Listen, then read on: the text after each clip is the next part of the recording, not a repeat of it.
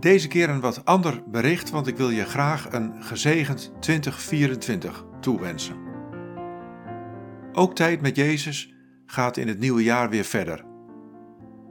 Je zult merken dat de vormgeving van de afbeeldingen van tijd met Jezus in de mail en op YouTube wat is gewijzigd. Meer in overeenstemming met het andere aanbod van de School voor Spiritualiteit. En de overdenkingen, die in het voorbije jaar vanuit het perspectief van God waren geschreven, worden nu weer, net als eerder, geschreven vanuit het perspectief van Jezus. Zodat het weer echt tijd met Jezus is.